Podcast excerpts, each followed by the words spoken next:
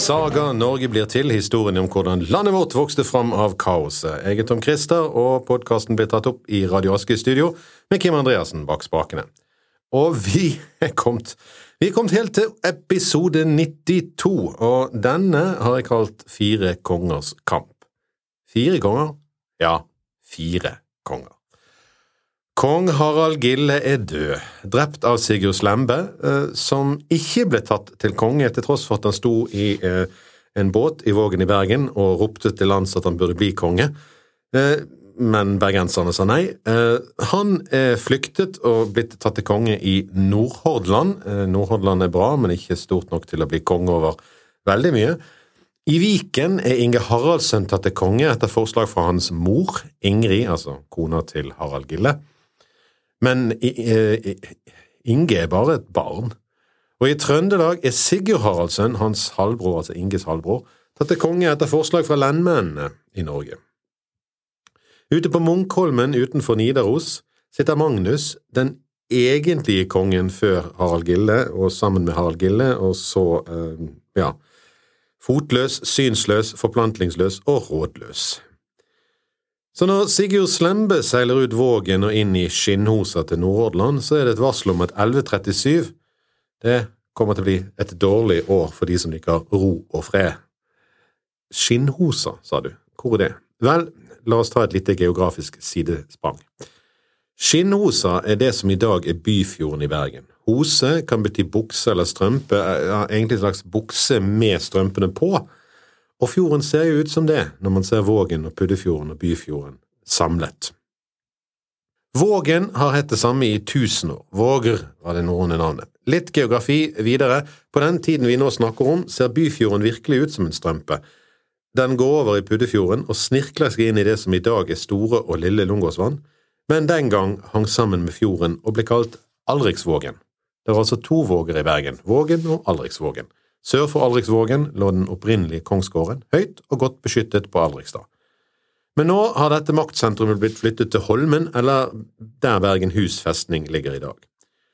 Sigurd Slembe seiler altså nordover, mens hærpiler og budstikker går i hytt og pine fra Bjørgvin til øst og nord. Så når Sigurd Slembe runder Stad, får han ikke mye støtte. Sigurd Haraldsen, altså hans eh, motstander, har allerede mobilisert Trøndelag. Likevel seiler Sigurd rett inn til kongsgården i Nidaros. Hva er det som får han til å gjøre det, kan en lure på. Er det overmot? Tror han virkelig at han nå er konge og kan flytte inn i kongsgården i Nidaros? Eller er det bare et forsøk på å teste trønderne? I begge tilfeller går det galt. Innbyggerne i Nidaros nekter han adgang til kongsgården og tvinger han til å seile ut igjen. Med liten støtte og få menn er Sigurd desperat etter å finne støtte, finne hær og finne en løsning. Den han finner, er på en måte genial, men på en annen måte helt vanvittig.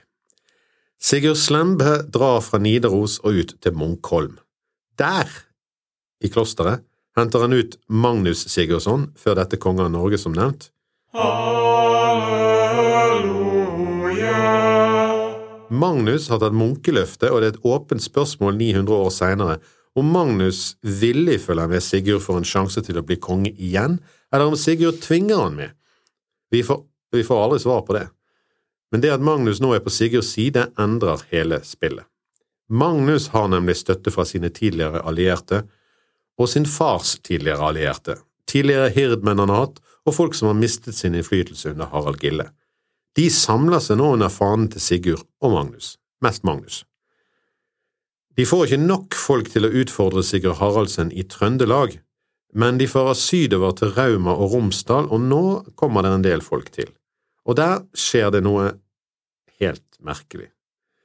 Sigurd forlater Magnus og seiler vestover. Han tar med seg en del av hæren, og kanskje skal han hente mer støtte på Hjaltland eller Orknøyene, eller kanskje skal han ta et vikingtokt for å tjene penger til å fortsette krigen, hvem vet?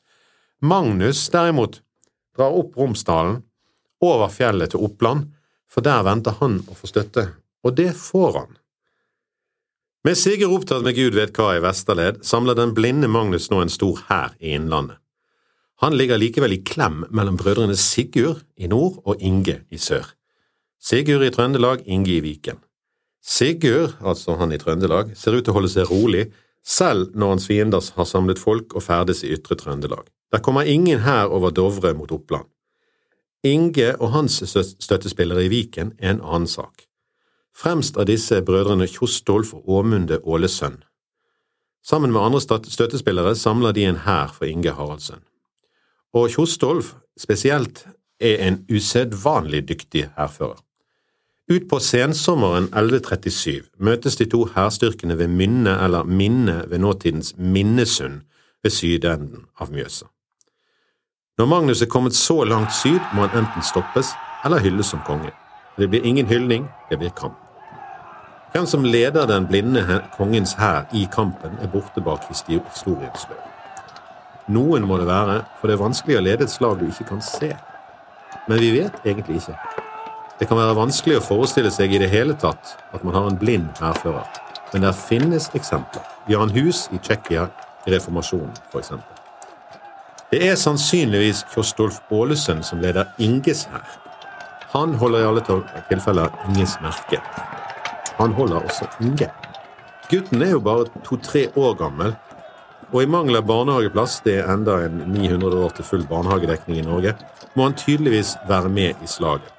Kjostolf bærer altså treåringen i en bylt i slaget. Risikosport er en helt grei beskrivelse av det som nå foregår. Kjostolf står altså med kongens merke i hånden og kongen i en bylt på brystet. Sjelden har det vært en klarere og mer tydelig levende blink i et slag på norsk jord. Det overrasker ikke at Magnus' menn setter sine krefter inn på å nå kongens merke, og selvfølgelig kongen sjøl. Og der står Kjostolv i klem han kommer selvfølgelig i problemer i denne kampen. Magnus' menn er flere, og de presser hardt på. Piler, spyd og sverd forsøker å nå Kjostolf og kongen på brystet hans. Det er her etter sigende Inge får den skaden som siden gir han tilnavnet Krokrygg. Det siste er kan hende sant, men kanskje like sannsynlig et påfunn. Det er nemlig atskillig større prestisje å ha fått en skade i et slag enn å ha en medfødt skavank. Medfødte handikap er ikke noe man har forståelse for i denne tiden. Det er tvert imot en stor kilde til mobbing og latterliggjøring. Selv om Magnus har flere menn i dette slaget, kan det virke som det nok en gang er kvaliteten på troppene som er avgjør, og kvaliteten på ledelsen. Vi vet ikke så mye om slaget, utenom at Kjostolf og Inge seirer og Magnus må flykte. Vi vet også at det faller svært mange menn i dette slaget. Det betyr nok at utfoldet neppe var klart og tydelig, men til slutt måtte Magnus og hans gjenværende menn rømme. Her kan det faktisk ha spilt en rolle at Magnus ikke kunne se hva som skjedde. Måten historien fortelles på, antyder at Magnus ikke ville gi seg før en uvanlig stor andel av hæren hans hadde falt. Men Magnus kunne ikke se de falle. Kan det ha gjort at han holdt ut lenger enn han burde, og flere døde? Som Skalden sier, før en ringmilde fyrste flykte ville, lå falen hele hirden på Vålen. Magnus flyktet østover, til Jøtaland, og der blir han tatt godt imot av Jøtalands hersker, en Karl Jarl. Det rimer. Til han forteller Magnus og hans menn en ganske usannsynlig historie, og den går omtrent slik. Hør, Norge er lett å ta om noen større høvdinger vil forsøke. De har ingen konge, og lendmennene styrer, men nå er de blitt misunnelige på hverandre og er uenige. Karl Jarl aner en mulighet. Jøtaland har jo hittil vært dømt til å tåle å være et grenseområde både norske og danske styrker bøller med etter forgodtbefinnende. Karl ser en mulighet til å snu opp ned på dette og tjene seg rik i prosessen. Han samler en svenske hær. Og om noen synes dette ligner på Olav den helliges forsøk på å vinne på Stiklestad med svenske leiesoldater, så jo da, her er en parallell. Carl går inn i Viken med sin hær, og vanlig prosedyre, en lang rekke folk går under han, det er ikke det at de har så mye valg, han kommer dundrende med en hær. Men når Kjostolf Ingebærer hører dette, så samler han sammen det han kan av menn som ikke ligger døde på Vålene ved Minnesund, og går mot Karl Jarl. De møtes på et sted som kalles Krokskogen i Bohuslän. Det er nær dagens Sørbygden er navnet på det nærmeste tettstedet. Svenskene og Magnus har ingen sjanse. Kjostolf nok en gang med Inge på slep, knuser de, og de må flykte det de kan sørover. Forståelig nok er Magnus ikke videre populær hos Carl etter dette, han hadde trodd han skulle høste nedfallsfrukt, men møter pilesvermer. Magnus flykter videre denne gangen til Danmark, til Eirik Emune. Og det er ikke nødvendigvis helt heldig.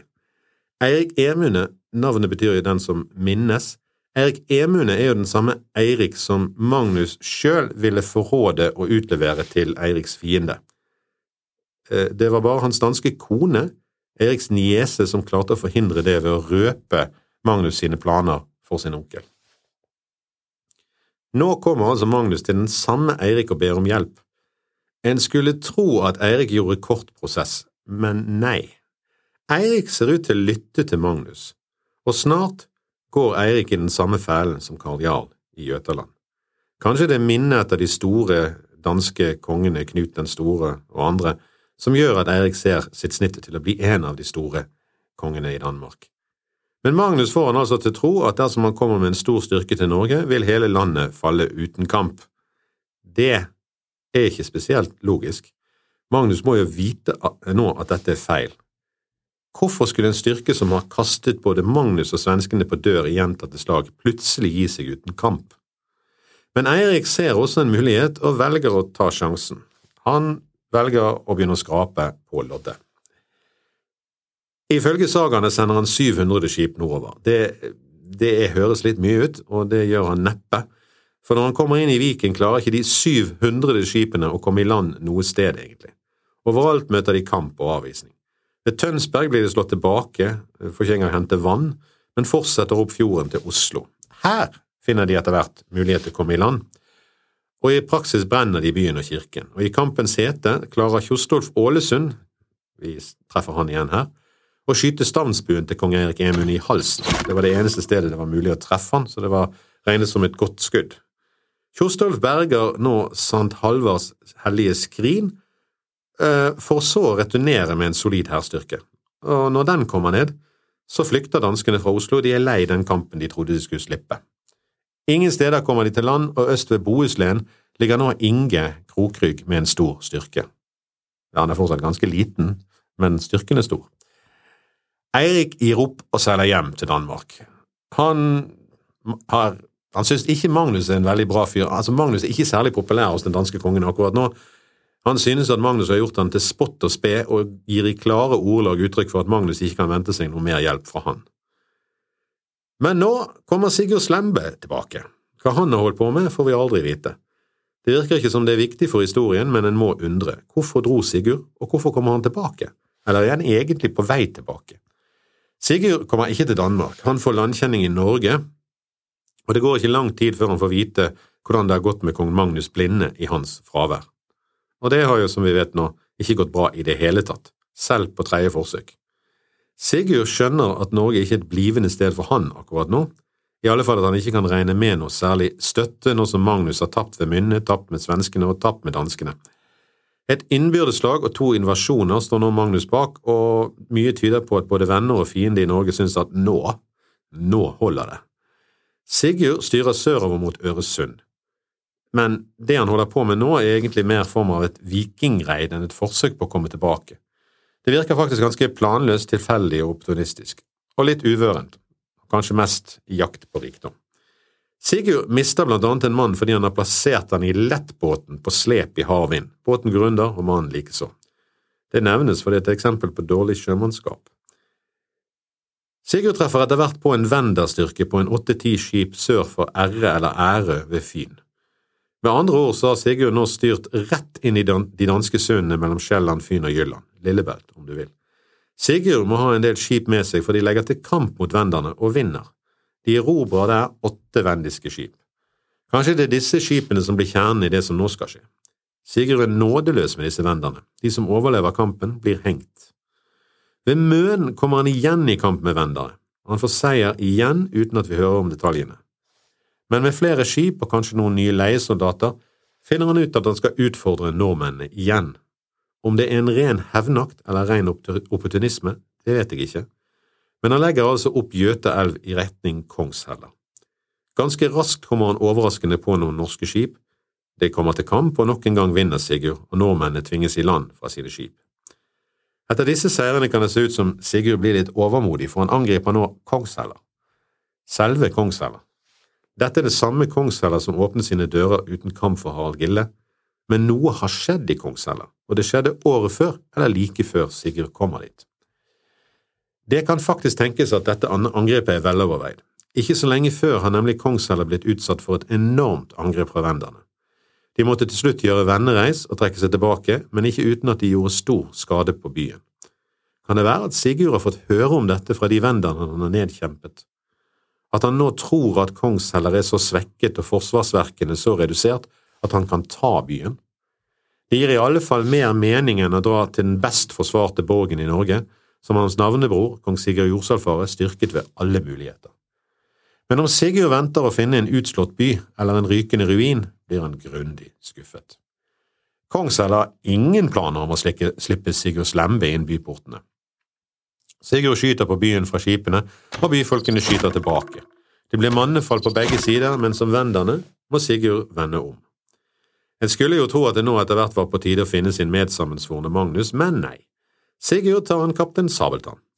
Han legger seg til på vestsiden av Viken i Portør mellom dagens Kragerø og Riser, og derifra driver han på som en ren sjørøver. Det går ikke helt ubemerket hen. Til slutt får vestfoldingene nok og reiser en liten styrke i Tønsberg. Med den styrer de mot Portør og Sigurd, og denne gangen er det faktisk noen som gjør jobben sin skikkelig og timer et godt planlagt angrep. De setter i land en styrke som går opp mot Sigurds base fra landsiden, som han ikke ser. De stenger bukten utenfor skipene sine, og Sigurd og hans menn merker ikke dette, for de er, de er opptatt. De er opptatt med å fordele, fordele bytte fra siste sjørøvertokt.